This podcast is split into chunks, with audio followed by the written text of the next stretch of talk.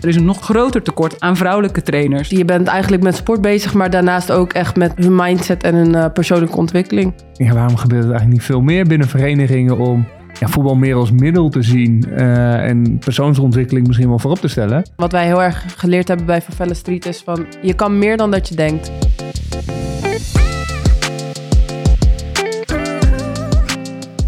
Lieve luisteraars, welkom bij De Jeugd heeft de toekomst. Een podcast van de KNVB over jeugdvoetbal. Waar ik, Pjotter van der Marel, samen met mijn sidekick in de wonderenwereld van het jeugdvoetbal duik. Wat drijft die trainer om week in week uit op een drijfnat kunstgrasveld zich in te zetten voor onze kinderen? Welke keuzes maken bestuurders, voorzitters en hoofdopleidingen om het beste voor onze jeugdspelers te organiseren? Maar ook, wat is de visie van kinderen? Wat vinden zij nu belangrijk? Wij vragen onze gast het hemd van het lijf en gaan op zoek naar hun visie, ziens en werkwijze. Welkom bij De Jeugd heeft de toekomst. De podcast van vandaag maken we in samenwerking met Nike en dit doen we niet zomaar. Dat heeft een reden. We breken een lans voor het meidenvoetbal. Nike en de KNVB komen dit seizoen met nieuwe content voor het coachen van meiden junioren. Om een bijdrage te leveren aan het betrekken en behouden van zoveel mogelijk meiden in onze sport voetbal. De directe beïnvloeders van meiden op de club zijn voetbaltrainers. Zij creëren een omgeving waarin speelsters zich gezien, gehoord en thuis voelen. Nike en de KNVB richten zich op de meiden junioren, aangezien vanaf deze leeftijd het verschil tussen jongens en meiden groter gaat worden. Er zijn elf speerpunten bedacht om deze belangrijke doelgroep te helpen ontwikkelen. We zoomen in op een aantal van deze punten. Dat doen we met Roxanne Rocky Heyakaya, oprichter van Vella Street, ondernemer, podcastmaker en tegenover mij zit Dunja, deelnemster en trainster van Favela Street. Tegenover mij zit dan ook weer sidekick Harm Zijnstra. Welkom allen. Rocky, kan je mij eens vertellen waar je mee bezig bent bij Favela Street? Uh, ja, uh, allereerst dankjewel. Super tof dat we hier uh, mogen zijn. Um, ja, wat we vooral doen, we hebben verschillende programma's gericht op persoonlijke ontwikkeling. En ons belangrijkste instrument is voetbal straatvoetbal, dat zit nog wel iets meer in mijn uh, DNA. Um, en dat is eigenlijk in het heel kort, maar daar gaan we natuurlijk veel meer over vertellen. Ja, en jij doen ja. Hoe ben jij bij Favela terechtgekomen? Uh, ja, ik, uh, was, ik heb meegedaan aan het eerste seizoen van Favela Street Amsterdam West. En ik zag het voorbij komen via Instagram. En het was toen in de coronatijd, dus ik kon niet voetballen bij mijn eigen voetbalclub. En zodoende ben ik eigenlijk mee gaan doen met het uh, programma Favela Street. En daarna doorgegroeid tot uh, trainster? Ja, ja klopt. Ik um, ben nu trainer, junior trainer bij Favela Street, wat ik echt ontzettend leuk vind. Want uh, nou ja, ik kan nu hetzelfde doen als wat Rocky en de rest doen. Dus. En um, wat maakt het anders dan, een, dan training geven op een voetbalclub?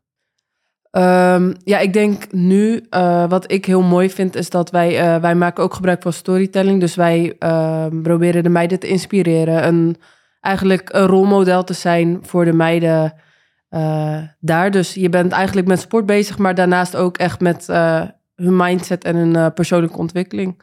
Mooi. Dus ja. daar waar voetbal vaak bij verenigingen en clubs meer een, een, doel op zich is, is het voor jullie echt gewoon een middel ja. om ja, persoonlijke ontwikkeling ja, mogelijk te maken. Ja, eigenlijk wel. En, en eigenlijk op die manier ook een ander soort ingang vinden bij die speelster, bij, bij dat meisje. Uh, om dan vervolgens ook weer aan andere knoppen te draaien. En ze toch elke week weer in beweging te krijgen aan het sporten. Zonder dat ze het misschien eigenlijk uh, doorhebben. En hoeveel, hoeveel meiden zijn er dan aan het sporten bij jullie? Even alleen op het voetbalgebied? Um, ja, we, we, streven vaak naar een groep van rond de 30 meiden. Dus we hebben er nu 20 tot 25 lopen. Dus je start meestal met een groep van 35. Nou, er valt altijd wat af. Uh, dat, is, dat, dat hoort er gewoon een beetje bij. Dus we hebben nu een groep van 20 tot 25 meiden tussen de, zeg even 13 en 19 jaar oud. Ja, dat klopt. is een beetje de range uh, ja. qua doelgroep. En dan hebben we ook nog uh, twee meidengroepen tussen de 8 en 12 jaar. En dat is eigenlijk het Nike Made to Play programma van uh, trainster Huda Lukili. Daar is het DNA kickboksen, maar er wordt ook absoluut heel veel uh, gevoetbald. en daar proberen we eigenlijk al op die achtjarige leeftijd meiden op een islamitische basisschool in dit geval, met een niet-westerse migratieachtergrond, op heel laagdrempelige manier kennis te laten maken met sporten. En ze daar ook weer door te stromen naar de, te laten stromen naar de vereniging in de buurt. Wauw. Dat is alweer al, misschien iets te lang antwoord, maar dan... Nee, ja. nee. dat, ja. Um, heel veel vragen eigenlijk al meteen. Um, want je hebt zeg maar, ongeveer 30 meiden die jullie, uh, die jullie begeleiden. Kan, kan je iets vertellen over hoe zo'n week of een training eruit ziet? Ja, dat is goed. En dan doen jouw filmen absoluut aan, hè, want jij bent eigenlijk gewoon ervaringsdeskundige. Ja. Um, nou, we hebben eigenlijk eh, heel in het kort, we hebben drie fases in ons programma. Dus je doet eigenlijk een heel voetbalseizoen mee. Dan speel je de, als future leading player, doe je mee aan de game of your life. Zo uh, heet het ook. Uh, ook fijn om een bepaald jasje aan te trekken. Ik heb zelf een marketing communicatie achtergrond, dus die komt dan wel van pas. maar we hebben eigenlijk drie fases, play, create en celebrate. En dat is eigenlijk iets dat hebben wij binnen ons programma, maar dat zou je eigenlijk net zo goed ook gewoon uh, binnen bij de vereniging kunnen plakken. Alles begint met spelen, uh, lekker voetballen, teambuilding, kennismaken, vertrouwd gevoel. Dat ken je natuurlijk, hè? dat je voelt van, oh, ik voel me vertrouwd. Ik heb een band onderling, ik heb een band met de trainer-coach en ik heb een relatie met het hoger gelegen doel. Wat gaan wij nu dit hele voetbalseizoen met elkaar hier eigenlijk doen? Um, en dan focussen we op create. Dat is eigenlijk de fase waarbij we van team naar individu gaan. Wie ben jij? Waar kom je vandaan en wat heeft jou gemaakt tot de persoon die je vandaag de dag bent? Vaak moeten we eerst even naar achteren om iets op te halen, op te lossen, om weer vooruit te kunnen en doelen vooruit te stellen. En dan celebrate. Het vieren van je successen, het delen van je successen. Net als bij een, aan het einde van het seizoen hoop je iets met elkaar te vieren. Misschien een beker omhoog of een schaal omhoog. Of gewoon lekker gewerkt met elkaar en op naar uh, limonade en patat. Ook goed. uh, maar dat is eigenlijk de drie fases. En onze workshops die starten om half zes, eindigen om acht uur. We starten altijd even met een maaltijd samen. Even samen wat eten. En dan van zes tot zeven hebben we een stukje theorie. Waarbij we heel erg gebruik maken van dynamische werkvormen. Uh, en dan gaan we een uur lang met elkaar uh, sporten. Waarin eigenlijk de, de thematiek ook weer in het sporten terugkomt. Zo. Doen jij goed uitgelegd? Ja, ja, ja. Nee, uh, bijna toen? niks meer op aan te vullen. Nee, en inderdaad wat jij zegt, bijvoorbeeld dat... Uh, uh, wat je heel erg merkt doordat wij elke week samenkomen... is die teambuilding. teambuilding. Je komt samen, je gaat samen eten. Dus daardoor vorm je echt wel een team. En, ehm, ja, op dan, en dan merk je gewoon dat de meiden lekker loskomen. En dan beginnen we met sport. Dus, en ja. hoe vaak is dit in de week? Eén keer. Eén keer? Ja, elke donderdagavond. In een seizoen lang eh, worden er ook uh, wedstrijdjes gespeeld, onderling of tegen andere. Ja, dat, dat is dus echt iedere keer uh, ja, gebaseerd op zeg maar, de activiteit die, die we in dat seizoen organiseren. Dus we hebben wel altijd aan het eind van het seizoen het Time to Shine toernooi. Dus dan organiseren we ook echt een voetbaltoernooi. Maar we hebben wel zeg maar, dat we echt interacties op proberen te zoeken waarbij we of een activiteit in de buurt zelf gaan organiseren, zodat de meiden ook leren hoe het is om iets te organiseren. Uh, maar we hebben nog niet echt een competitie waar je dan aan mee kan doen. Er wordt wel veel onderling lekker gevoetbald. Maar we proberen wel te kijken of we ook met andere groepen, partijen in de wijk uh, kunnen spelen. Zo uh, zijn we bijvoorbeeld ook bij SV Sloterdijk. We zitten zelf in Amsterdam-West. Um, dat we daar dan ook daadwerkelijk zeg maar, de connectie opzoeken. Maar ik ben eigenlijk wel benieuwd, want Doenja, jij bent die, echt die voetbalster. Jij kwam ook binnen met, zeg maar, de promotie was ook, oh, kom voetballen met de straatvoetbal koningin van Nederland. Dat ben ik. dat was ik, maar goed. Uh, en toen vervolgens uh, had je het over storytelling, hebben we het over mindset gehad. En ja, er werd eigenlijk minder gevoetbald. Misschien, ik heb jullie namelijk nooit een voetbaltrucje geleerd. Dat nee. was de grap misschien wel. Maar hoe was dat voor jou?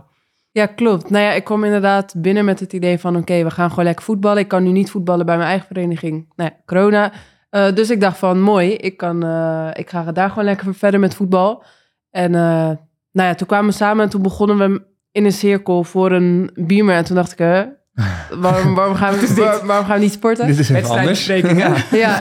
en nou ja, toen gaandeweg merkte ik eigenlijk dat het echt wel dat er veel meer in het programma zat dan alleen het stukje voetbal. En uh, nou ja, ik uh, heb uiteindelijk ook mijn eigen verhaal gedeeld op het podium met mijn familie en vrienden erbij. Dus uh, ik heb er echt heel veel uit kunnen halen.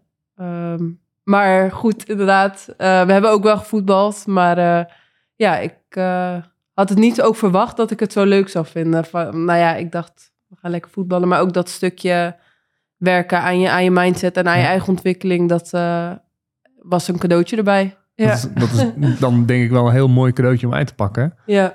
Um, en eigenlijk als ik een beetje zo hoor, dan denk ik... Waarom gebeurt het eigenlijk niet veel ja, meer ik, bij verenigingen of in andere jou, settingen? Ik wil, ik wil bij jou gooien. Het is een beetje, ja, we zitten natuurlijk in een podcast van de KNVB, dus laat het even tot voetbal beperken. Maar ja, ik hoorde net ook iets over uh, kickboxen, zeg maar. ja, waarom gebeurt het eigenlijk niet veel meer binnen verenigingen om ja, voetbal meer als middel te zien uh, en persoonsontwikkeling misschien wel voorop te stellen? Uh, ja, heb jij daar beeld bij, Rocky? Nou, ik, ben ook echt een verenigingskind. Dus ik ben ook echt opgegroeid in Uithoren bij de Legmeervogels. Uh, Dus dat, dat was mijn club. En uh, werd ik als klein kindje kwam ik al, uh, of meisje kwam ik al binnen. Want mijn vader voetbalde en mijn moeder handbalde daar. Dus ik, ik heb heel erg veel aan het verenigingsleven gehad. En, um, um, maar wij zien ook best wel wat jongeren binnen bij ons lopen die dat, toch die aansluiting niet weten te vinden. Omdat misschien die ouders wel nooit binnen het verenigingsleven hebben uh, gezeten. We werken met veel statushouders, nieuwe Nederlanders, ja, um, ja meiden met een niet-westerse migratieachtergrond. Uh, daarvan zitten die ouders, dus, dus ook een aanname, maar over het algemeen misschien wel niet, nog net in die generatie die nog niet bij een, de lokale voetbalclub hebben gespeeld. Dus dan krijgt het ook niet met de paplepel uh, ingegoten, zeg maar. Um, en ik denk ook dat het verenigingsleven, het is natuurlijk gebaseerd op vrijwilligers. Dus je bent beperkt in je tijd, je bent beperkt in je capaciteit. Het is al heel wat om een, een vereniging te laten draaien. Uh, en dan gaat het eigenlijk ook om voetbal, presteren ja. of ook gewoon gezelligheidsvoetbal natuurlijk. Uh, maar ik denk dat dat absoluut uh, het heel veel waarde kan hebben als je dus ja, vanuit die soort holistische aanpak kijkt van wat, wat speelt er nog meer bij dat kind en hoe kunnen wij als vereniging uh, ja, daar nog meer aandacht voor hebben dan alleen maar het, het hey, van punt A naar B rennen of pasen en trappen. Ja. Uh, is eigenlijk nog veel waardevoller, want uiteindelijk gaat het kind daarna ook beter voetballen. Ja, interessant. Dit moeten we, dit, dit hou nog even vast. Ja. Um, want ik wil eerst nog even het, het probleem duiden of de uitdaging duiden um, waar, waar we nu eigenlijk voor staan. En is dat uh, op dit moment veel meiden junioren stoppen met voetballen. En dat heeft, uh, kan een reden hebben dat de trainingsbelasting niet helemaal goed is. Maar het heeft ook voornamelijk mee te maken dat deze doelgroep nog beter begeleid kan worden. En daar heeft uh, Nike en de KNVB de krachten gebundeld om tot een plan te komen. En ik wil met jullie eerst even een aantal stellingen droppen. Uh, je mag alleen zeggen eens of oneens. Ja. En daarna gaan we het gesprek erover voeren. dus reageer zo primair mogelijk. Meiden junioren begeleiden en opleiden is veel moeilijker dan het begeleiden van junioren en jongens. Eens. Eens? Eens. Eens. Oneens. Eens. Oneens. Oké. Okay. Meiden junioren moeten gewoon niet zeuren. En er moet gewoon gevoetbald worden. Punt. Uh, oneens. Ja, oneens. Ja, ik uh, ben het ook mee oneens. Oneens. Ja. Er is in algemene zin meer aandacht nodig voor junioren voetballers? Eens. Eens. Absoluut eens. Absoluut eens. Verenigingen moeten meer verantwoordelijkheid nemen voor het begeleiden en opleiden van meiden junioren. Eens. Eens. Ja, eens. ga ik mee. Eens. ik, ook, ik ook. Het ontbreekt aan kennis over meiden junioren bij trainers. Ja, eens dan denk ik. Maar ik wil, ja, ik mag geen maar, hè? Eens. Ja, ja dan, uh, dan uh, pak ik de, de, de oneens. Ja, ik vind het lastig, maar ik denk dan, ja, toch. Nee, ik denk ook wel oneens. Ja. Of ja. nee, toch wel eens, sorry. Ja, dat is te weinig kennis. Ik trap ja. te doen jou onder de tafel. nee. Dus ik, zou, ik, ik vind deze heel lastig. Ja, is het uh, ik zeg nu even uh, oneens, want ik denk dat die kennis er wel is. Maar dat mag ik nog niet zeggen. Uh, de eerste was 2-2. dus dat het moeilijker is om meiden te begeleiden. Ja, ik, Jij mag beginnen hoor. Ja, ja natuurlijk. Um, nou, ik geloof niet per se dat het moeilijker is, maar alleen er zijn gewoon verschillen. En dat is ook niet gek. Die verschillen zijn er ook in de klas, die zijn er ook waar dan ook. Um, dus ik zou het niet willen definiëren als moeilijker. Uh, alleen, ja, we zien natuurlijk wel binnen verenigingsvoetbal dat ja, jongens in aantallen gewoon dominanter zijn. Dus heel veel is daarop ingericht. En als het dan opeens anders is, als, die, als er opeens verschillen zijn, dan duiden we dat als moeilijker. Maar ja, ik denk niet dat het per se moeilijker is. Ja, dan is het inderdaad ook maar net hoe je, hoe je die stelling aanvoelt. Nee, maar, dat, maar heel scherp. Want ik denk dat, uh, dat als je hem zo neerzet, dan uh, zou ik met je meegaan. Maar ik denk ook dat we nu eenmaal in een context, uh, in een vrij heteronormatieve maatschappij leven, waarin ook dus ja, de context gedomineerd wordt door jongens en, en mannen.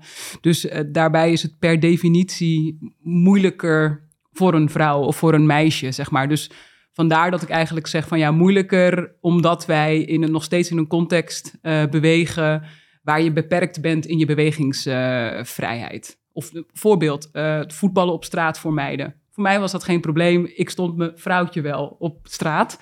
Uh, maar überhaupt in een openbare ruimte als vrouw vrij kunnen bewegen dat is al een eerste stap, zeg maar. En, en dat, is, ja, dat is voor een jongetje heel vanzelfsprekend. Ik ga op straat voetballen. Um, en, en dat daarin mindset en in bewegingsruimte, letterlijk in de openbare ruimte, ruimte creëren, is moeilijker. Mooi. Dat, ja, ook weer waar. Nee, daar ben ik mee eens. Nee, dat was de stelling. Dat was, daar, heb je, daar heb je gelijk in. Maar dat, dat was vooral, het ging natuurlijk over, de, over het begeleiden. Ja, ja. Um, het is best maar net hoe je ja, kijkt. Nee, ja. dat, was een, dat, was een hele, dat was een hele goeie. En hoe zit jij erin, Doenja?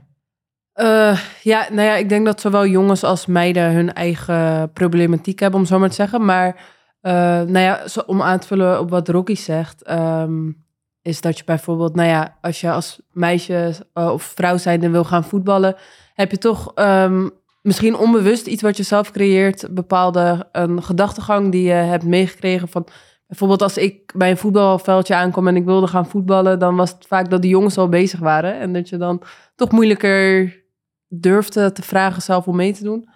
Uh, maar goed, gelukkig is dat nu uh, in deze tijd al veel minder. Dus, dat denk ik ook. Ja. Alleen we hebben, we hebben, als ik jou hoor, Rocky, hebben we echt nog wat, wat. Ik vind die openbare ruimte, dat zet me wel aan het denken. Dat, dat, zo, zo bekijk ik natuurlijk weer niet.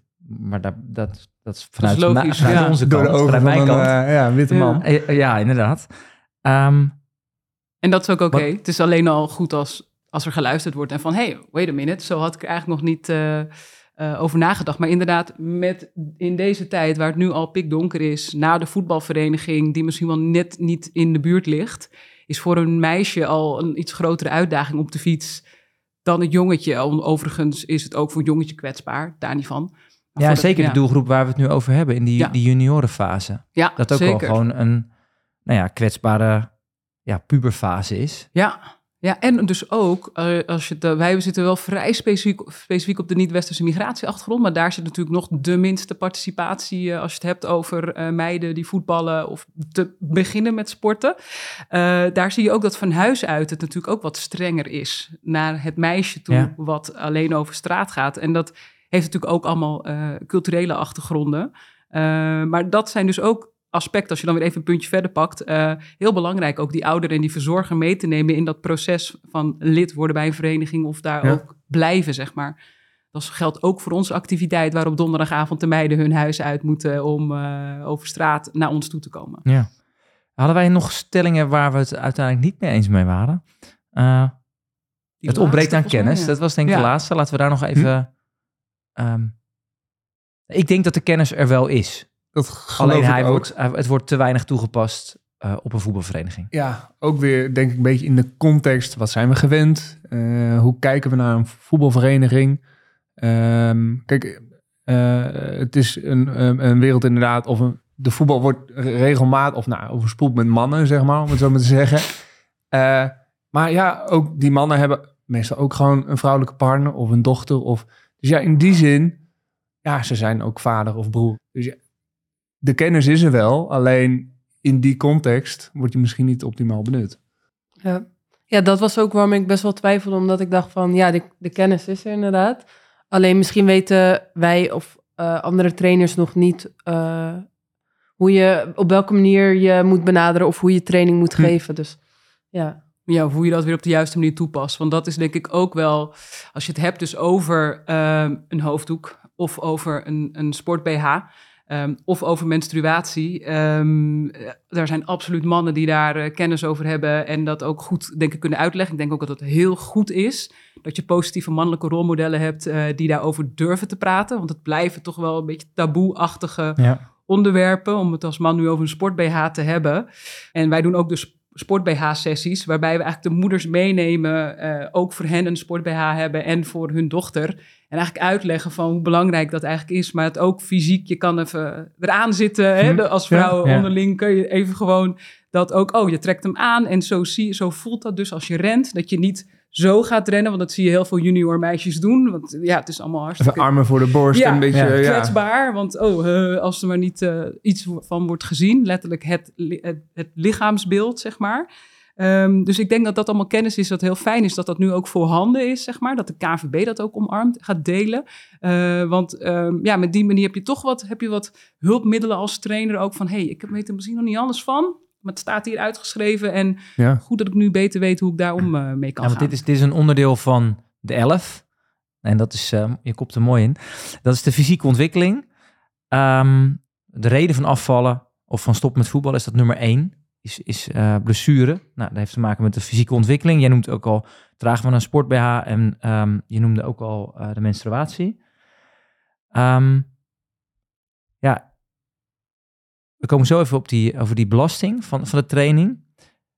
Ehm, maar heb je hier een tip voor hoe je hier dan als club mee om kan gaan? Want jij, hoe jij het nu zegt, ik hang aan je lippen, eh, is het inderdaad heel normaal. Maar binnen een voetbalvereniging is dat natuurlijk niet zo. Nee, ik denk dat ehm, eh, allereerst, ja, en dat is waarom ik dat, dat, eh, die fase zo mooi vind, dat play, create en celebrate. Als je die eerste fase, eh, wat heel normaal is denk ik ook binnen een team, je begint een seizoen, we gaan, misschien is dat team doorgegroeid, misschien zijn er nieuwe spelers bij, maar het belangrijkste is die, dat onderlinge vertrouwen. Op het moment dat je eh, transparant kunt communiceren met elkaar, dan kun je het misschien ook wat makkelijker hebben over bepaalde pijntjes of bepaalde dingen die voorkomen. Dat als iemand een mens ongesteld is, dat diegene dan misschien vanuit zichzelf gewoon wat meer last heeft of wat sneller vermoeid is. Ehm, ik ben natuurlijk absoluut geen expert eh, hierop. Maar ehm, het, ik ben zelf wel iemand die is uitgevallen door een blessure en daardoor heb moeten stoppen. En daarin miste ik ook het stukje communicatie en verbinding binnen het team en de trainer om eh, eerlijk te kunnen zeggen of ik nu aan mijn grens zat eh, of niet. Dat als ik spierpijn had, dat ik serieus werd genomen of dat ik dacht van ja, maar oké, nou, pakken hem toch maar eventjes, eh, eventjes door. Maar ehm, ja, dat zeg maar eventjes. Maar als hebben we dan, hebben we dan ik, je zei het net ook weer mooi, vrouwelijke, of ik weet niet of je dat in het voortraject zei, maar vrouwelijke rolmodellen. Ja, Wat jij nu, nu zegt, wat jullie nu ook aangeven, is dat je dus daar ook vrouwelijke rolmodellen hebt. En ik, als ik dan nu over nadenk over bepaalde clubs waar ik dan geweest ben, dan, dan wordt dat wel gemist. ja. Ehm, Hoe, hoe is het bij jouw club? Je, je, je voetbalt eh, bij Beekbergen, Ja. vertelde je ons eh Ja, vooraf. klopt. Ja, nee, ik zit zelf ook na te denken van hoe, eh, hoe dat bij mij gaat of is gegaan. En ehm, ik heb gelukkig, ik zal het afkloppen, zelf nooit last gehad van blessures. Maar ehm, ja, wat je wel merkt, is af en toe heb je bijvoorbeeld een weinig aantal. En dat, dat eh, meiden dan ook minder snel durven aan te geven van... hé, hey, ik heb last van mijn enkel of eh, ik heb een blessure. Ehm, en wat je dus ook af en toe hoort, is dat trainers het, het gevoel, of in ieder geval zeggen van oké, kom, zet even door. Maar ik denk dat wat Rocky zegt heel belangrijk is, is dat je je vertrouwd voelt binnen je team. Dus als jij, eh, ja, dat je gewoon durft aan te geven van hé, hey, ik Ja. heb echt last en voor jezelf durft op te komen van oké, dit is mijn grens. Eh, en ik denk als daar meer aandacht wordt besteed, eh, aan besteed, dat je dat ehm, probleem al een stukje kan verhelpen. maar, maar denk je bijvoorbeeld niet dat mannelijke trainers, ehm, ik ga een voorbeeld geven, Eh, dat mannelijke trainers ook het menstruatie heel erg lastig vinden. Als ik, ik, ben, was ehm, ooit eh, beginnend leerkracht groep 8. En ik had heel, was heel blij dat ik een duo had naast mij voor twee dagen. Hele ervaren leerkracht groep 8. En daar kwam er dus een meisje naar mij toe. Ja, meester, eh, er is wat. Nou, eh, Ja. zweet. Nou, ik voel het nog steeds. Ik, ik, snap ik. ik, ik, ik- als trainer zou ik hetzelfde hebben. Nu, eh, een, een, een, ik heb een, een gelukkig een, een prachtige dochter in mijn leven. Dus ik weet dat ik straks daar ook mee moet dealen. ja. Ehm, maar ik vond het heel spannend. eh, omdat ik ook niet wist wat ik moest doen. Ja, ja, snap ik. En dat is wel eh, ook wel, het hoort echt bij het, ehm, bij het vrouwenvoetbal. ja. Maar we doen er wel spastisch over. Ja, precies.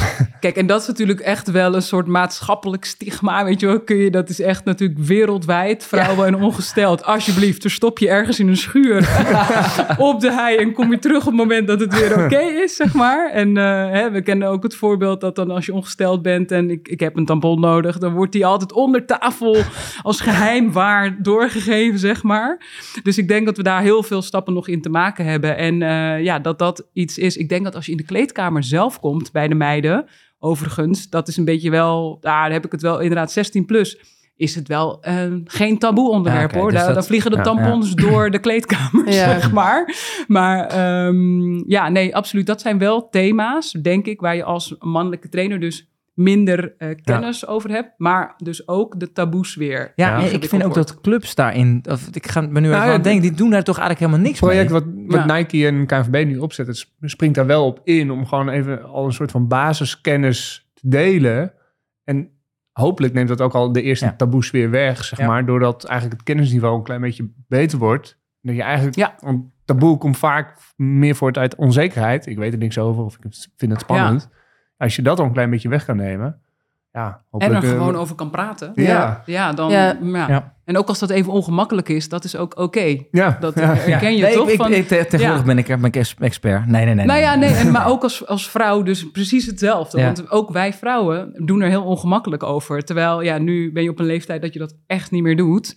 Maar ja, dat ik 16, 17 was, eh je- woe, wat eh, is going on, zeg ja, maar. ik, kan- ik kan me Dus, ook ja. voorstellen dat als je net eh, die menstru- in de beginfase van je menstruatie zit, dus stel je bent nog 13, 14 en je zit op een, dus het is allemaal nieuw voor je, Ja. je eigen lichaam is aan het veranderen, dat het ook best wel spannend of ongemakkelijk is om, maakt niet uit, vrouwelijke of mannelijke trainer, om dat zo in één keer Ja. op tafel Ja, te gooien. Mooi gezegd. Dus maar daarom denk ik dat het heel mooi is als je dat gewoon bespreekbaar kan Ja, maken. En er zijn wel een aantal dingen die we gewoon met elkaar kunnen veranderen. En ik heb het mezelf ook nooit gerealiseerd, maar afgelopen zomer werd ik er wel aan herinnerd. En ik zag het nu ook terug eigenlijk in de witte sportbroekjes voor vrouwen. Ja. Ja, is gewoon niet handig. En ik weet, Ja, afgelopen nee. zomer, ja, ik heb er afgelopen zomer, mee. ja, afgelopen zomer volgens mij was Ja. een hele discussie eh, op, eh, binnen de tenniswereld bij Wimbledon. Ja. Ja. iedereen moet daar in klassiek wit spelen. En toen werd, was eigenlijk al gewoon de discussie, ja, dat, dat willen we niet meer, dat kunnen we niet meer doen. Ja. En ik, ja, als man, ja, wij denken daar niet over na. Of Nee. tenminste, ik spreek voor mezelf. Ja. Maar ja, eh, ja, eh, dus trek gewoon een, een andere kleur broekje aan. Eh, ja, volgens mij helpt dat dan ook al even, ja, weer een klein beetje in, in, ja, in dit verhaal. ja, precies. Zeker. Ja, wat, ehm, wat nog even als laatste bij het fysieke, we hebben het net al een beetje over gehad, is de, het, het blessure. eh, het blessure hebben, daar helpt natuurlijk Voetbal Fit bij. Het eh, programma van eh, de KNVB, ook een eh, mooie podcast eh, over opgenomen. Ehm, en wat ook een oorzaak was, is de, de onderbelasting. Dus de, het verschil tussen de wedstrijinspanning en de traininginspanning. Dus wat uit onderzoek is gekomen, dat, dat er op een lage intensiteit getraind wordt en dat de wedstrijd daartegen veel hoger ligt, waardoor dus, ehm, ja, dus, dus meiden dus blessure, ehm blessures oplopen. Dat is gewoon ook, nee, niet per se meer, maar gewoon beter trainen. Hm. Ja, Trainers beter leren trainen. Ja. Ehm, gericht op, nou even de doelgroep. Dat kan soms pupillen zijn of junioren of jongens of meiden. Maar ja, trainers helpen om beter training te geven. Volgens mij is dat ook al gewoon een hele grote eh, winstpunt. En zeker, eh, ik denk dat verhoudingsgewijs, maar misschien weet je dat nog wel beter dan ik. Meer ongediplomeerde trainers, zeg maar, voor meidenteams staan dan over het algemeen voor jongens of mannen seniorenteams. Ja, sterker nog, er is natuurlijk gewoon een tekort aan trainers Ja. in zijn algemeenheid eh, bij voetbalverenigingen. Eigenlijk waar we net ook al over hadden van het is, ja, een club is gebouwd op vr- vrijwilligers. Ja. Eh, dus je hebt die goed bedoelde vader of moeder of iemand die daar voor de groep staat. Eh, dus daarom is het hartstikke fijn om juist jezelf bij te scholen als je, ja, als je daar tijd voor hebt en het ook wilt. En volgens mij willen mensen dat ook die, eh, die, die bij de vereniging eh, zitten. Maar ik denk ook dus heel belangrijk, eh, want ik zeg net, we hebben een tekort aan trainers, maar er is een nog, tekort, nog groter tekort aan vrouwelijke trainers. Dus Hm. ehm, ja, maar nogmaals, je bent als vereniging volgens mij al hartstikke blij als je überhaupt een trainer voor die groep hebt staan. ja en, en als dat, als, ja, dat, als die trainer dus ook zorgt voor eh, de- dus de onderbelasting op trainingen Ja. en uiteindelijk dus weer veel blessures eh, zijn, dan betekent ook wel dat we daar aan die trainingskant dus echt wel wat moeten. Ja, soms inderdaad ben je blij dat er iemand opstaat, maar uiteindelijk dat is een startpunt om blij te zijn, maar niet Ja. het eindpunt. Nee. Dus je moet Ja. wel met Nee, die eens. trainer en die groep aan de slag Ja, om gewoon ja, stappen te maken. en binnen- je leden te behouden. Want Ja. inderdaad, Ja, dus ja. die trainer meer kennis, eh, minder blessures, dus minder uitval. Precies. Dus iedereen blij. Ja. Ja. Kantine vol, gezelligheid. Ja. Ja. Ja, precies. Ja. Nou, en de goede, voorbere- een goede voorbereiding hoort daar zeker bij. Ehm, en die goede voorbereiding, daar, daar, daar vallen dus ook wel de cursussen onder, wat we net al benoemden. Eh, en ik denk de begeleiding van deze trainers. Ehm, dit is ook weer een onderdeel van eh, de elf speerpunten van de KNVB Nike. Ehm, daar hadden ze ook iets bij in de voorbereiding over een in- en uitcheck wat je, wat je kan doen. Ehm, doen jullie dat ook? Voor een, eh, voor een activiteit van Oh, jullie? Ja, in principe wel. Dus eh, we openen eigenlijk altijd sowieso met het eten. Dus dan check je hier en daar individueel ook in. Maar eh, de, meest simpele incheck is natuurlijk... geef jezelf of je energie de dag... geef jezelf even een cijfer tussen 1 en 10. Of als je het hebt over de dag die je net hebt gehad. Eh, hoe zit je er vandaag in? Ehm, hoe ben je opgestaan of hoe was je net op school? Ehm, kijk maar even hoe je jezelf dat cijfer Ja. wilt geven. En dan aan het einde check je weer uit met elkaar. En dan als iemand zegt, ik zit nu op een 4, nou dan weet je, snap je ook even waarom diegene misschien met een hoodie op zit of met een bepaalde houding. Er is open over gecommuniceerd en dan is het puur, hey, nou we gaan eens kijken of we van die 4 een 5 of een 6 kunnen maken vandaag met een beetje lekker sporten. En dan check je uit en dan eigenlijk altijd is het cijfer hoger, omdat het kind zich of de jongere zich sowieso gezien voelt. En dat is natuurlijk iets waar, wat, wat ontzettend belangrijk is ook in deze tijd, waar eh, contact zo vluchtig is, alles zo op basis van beeldschermen wordt gedaan en zo afstandelijk is, is dat dat echte contact, iemand echt in de ogen kijken en even, hey, Ja. ben je er? Ja, ik zie jou. Cool, het is ook oké als je vandaag even niet oké bent. Ehm, dat zorgt ervoor dat dat kind, wat misschien een beetje onzeker en schuchter binnenkomt, gaat openstaan en denkt: Oh, wacht even, het is ja, ik mag hier zijn. Zeg. Ja. hebben, eh, volgens mij heeft ieder kind daar behoefte aan. Het valt ook binnen Ja. eh, pedagogische uitgangspunten als autonomie, binding en competentie, met name een stukje binding. Geldt het nog meer specifieker voor eigenlijk de doelgroep junioren meiden, die daar misschien nog wel meer behoefte aan hebben om inderdaad even in te, in te checken of even gehoord of gezien te voelen, te worden, zeg maar. Ja, ja, nee, dat denk ik wel. Want vooral ook, ehm, nou ja, stel eh, je, doet, je checkt met die meiden en je vraagt ze op schaal van 1 tot 10 van... hé, hey, hoe voel je vandaag? En je merkt bij één, één eh, deelnemer of meisje dat van...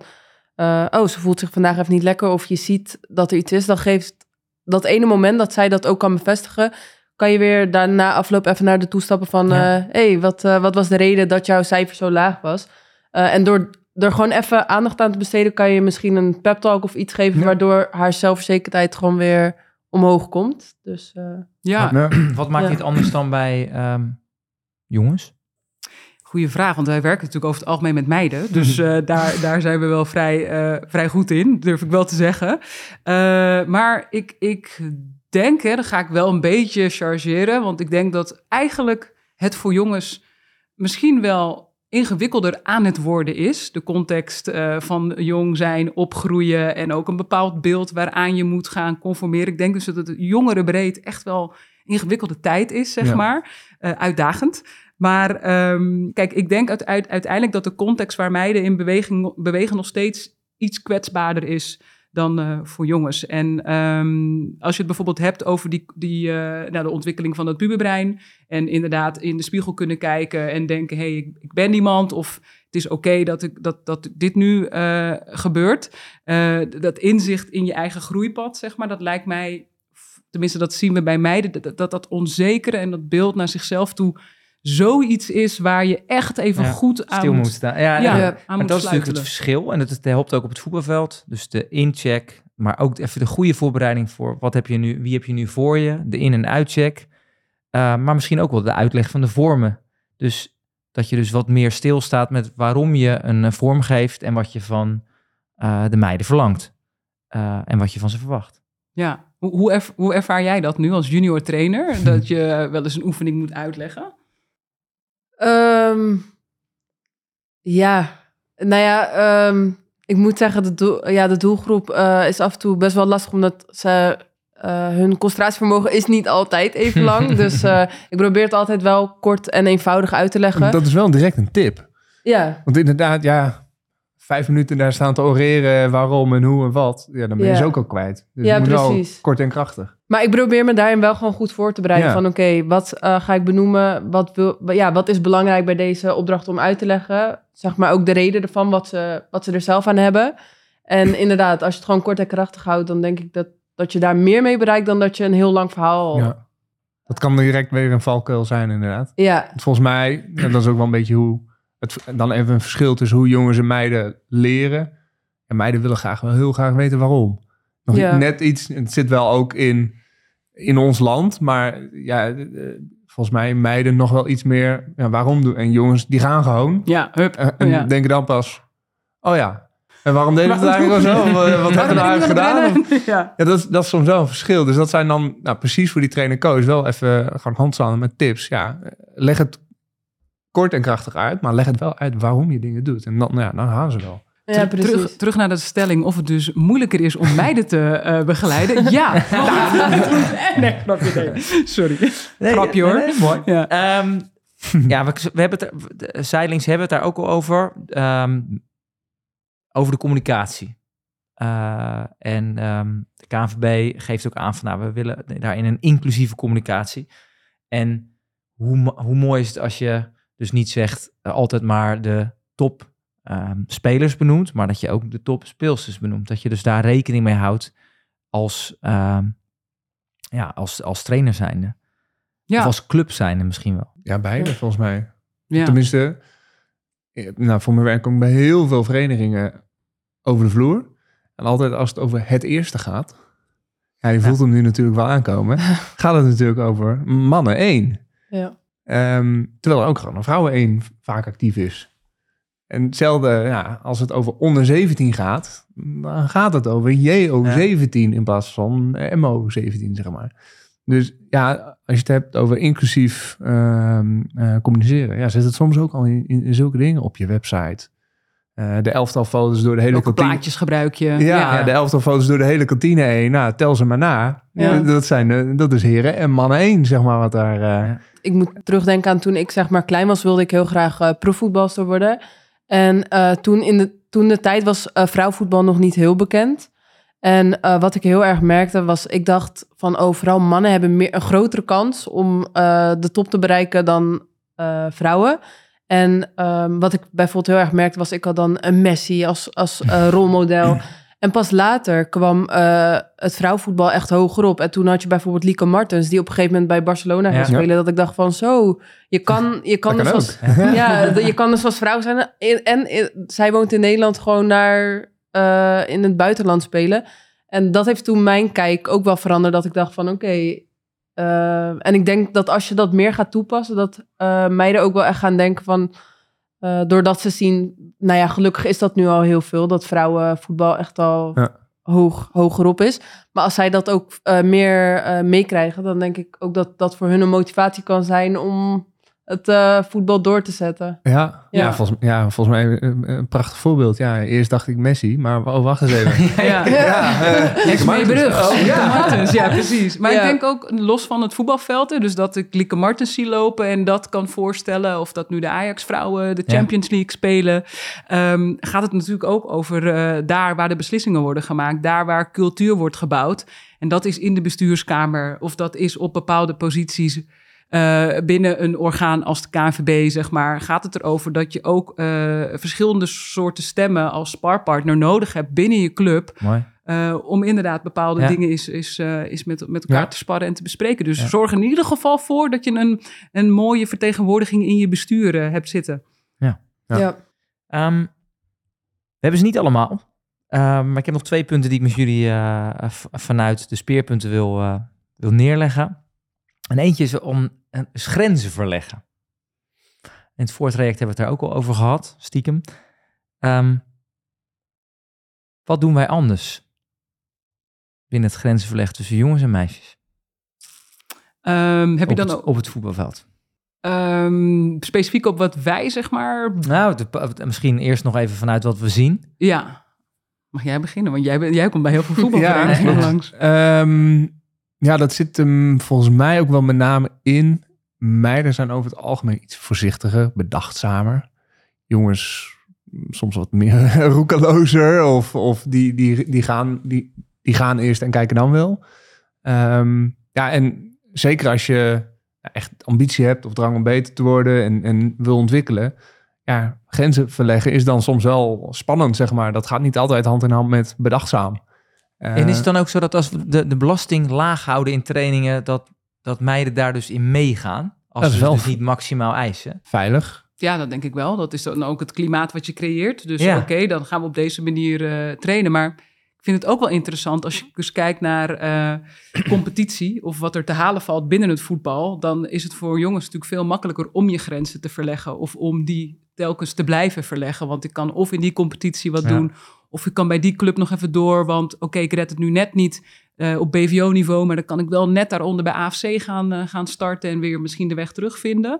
Ehm, en ehm, ja, er is gewoon een, le- er is een legio aan eh, verschillende soorten plekken waar je als jongen constant die grens kunt verleggen. En dat speelveld is voor meiden natuurlijk ook nog steeds wat beperkter.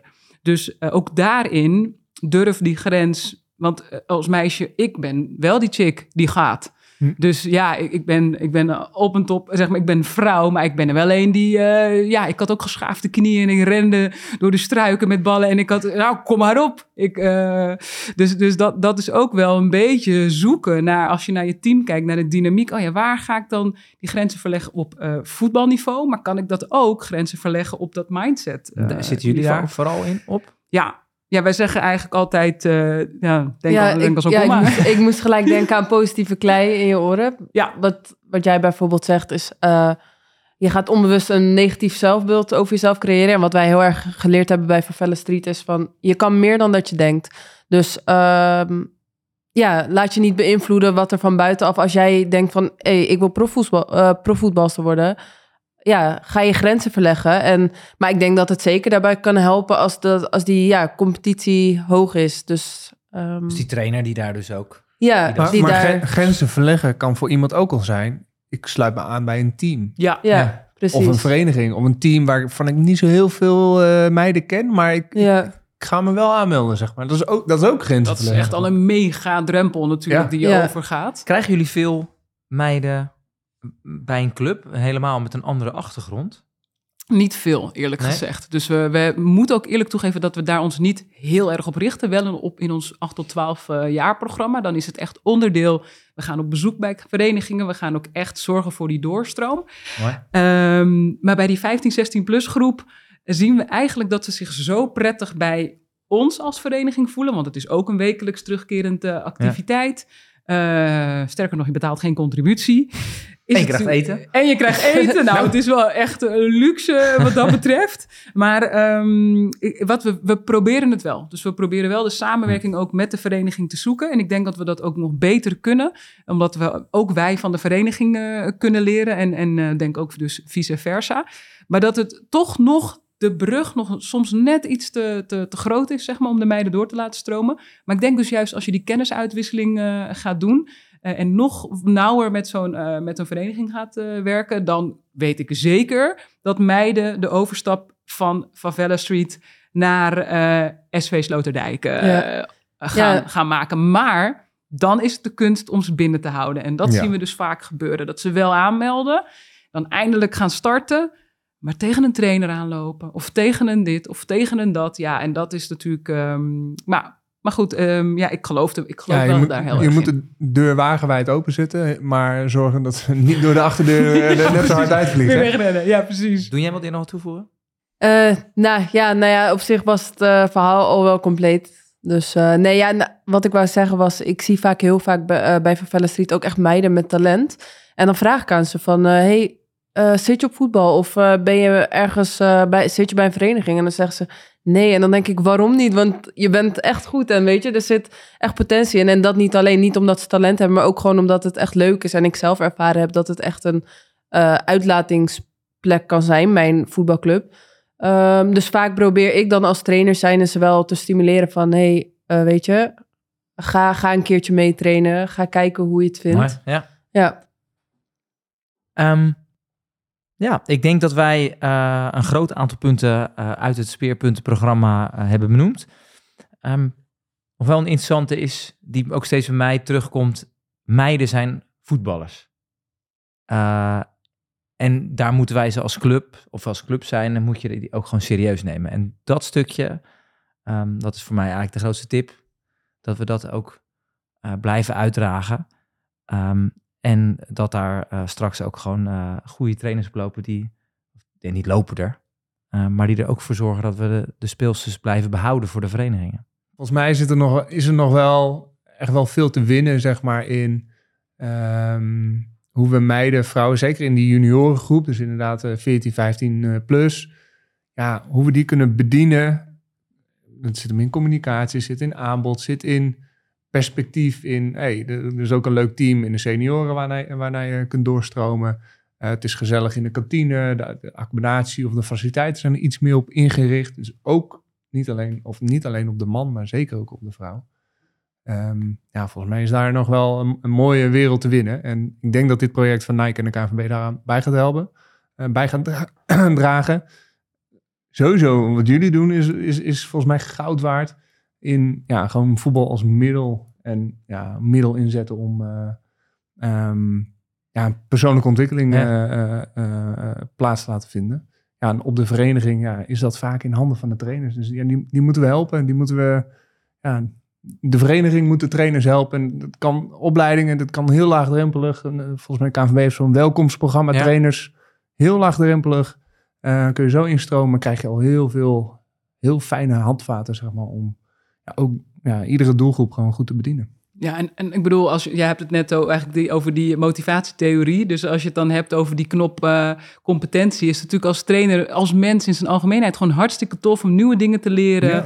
En dan vervolgens zie je dat je als dat je team blijft, dat ze blij worden. Ja, dan zeg maar, het is zo'n belangrijke cirkel dat dat blijft zichzelf dan eh, ondersteunen. Dus als je alleen al hè, da- aan die knop kan gaan draaien, lekker wat nieuwe kennis erin, ehm, dan eh, ja, zijn, zijn, zijn ze volgens mij al hartstikke lekker bezig.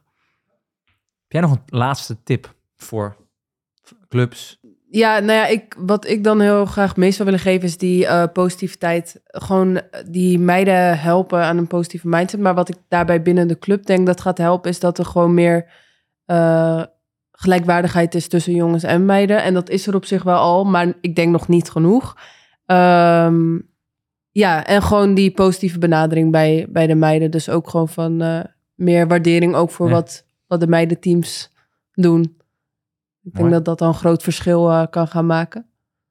Ja. Lijkt mij een mooie afsluiter. Ik heb nog één tip. Oh, jij ja, tip. jij zet mij aan het denken. Je zei van ja, de, onze wereld is soms een beetje afgestemd op de man. Eh, een tijd geleden heb ik daar eigenlijk een hele mooie docu over gezien. eh, van Sophie Frankenmolen. Eh dat heet Reference Man. Ehm, en die laat eigenlijk zien dat, nou, dat is even een beetje buiten de scope van voetbal, maar eigenlijk in, in alles, zeg maar, is de, de witte man, 1,75 meter, 80 kilo, is in alles het uitgangspunt, zeg de maar. mal. Ja, is Ja. het malletje. voor de autogordel, voor de... Precies. Maar dan ben jij auto- dan niet met je 2 meter 10. Nee, maar even inderdaad heel... De, Ja. de dummy die de, de, de crash testen doet met Ja. de autogordel, dat is een mannelijke pop, zeg maar. Dus dat is even heel vaak het referentiepunt, de reference man. Eh, en ja, dat opent wel ook soms even je ogen. En dat is soms gewoon het beginpunt. Oké, mijn ogen zijn geopend. Ik, heb het door en nu kan ik ook net even anders naar de wereld kijken. En Nou, en, en ook daarin ondersteunen. Want ik denk dat het ook heel belangrijk is dat het niet een soort van is van... oh, daar, eh, die witte man die eh, doet het dus...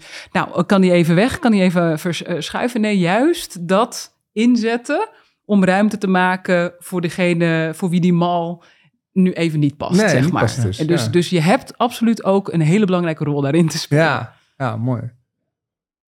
je, leuke- staat niet, je leuke- staat niet buiten spel, zeg maar. Die rol gaan we met elkaar pakken. Ja. Ehm, ik wil jullie danken voor eh, de komst naar de studio. En de luisteraars eh, bedanken voor het luisteren. Dank jullie wel. Jullie ook bedankt.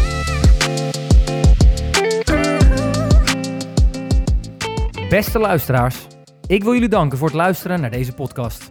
Wat neem je mee naar je eigen voetbalsituatie? Wat zou je totaal anders doen? Hebben we je stof tot nadenken gegeven? Heb je nog vragen of opmerkingen? We zijn altijd op zoek naar thema's die spelen bij jouw club. Laat het ons weten en mail dit naar voetbalontwikkeling.kvb.nl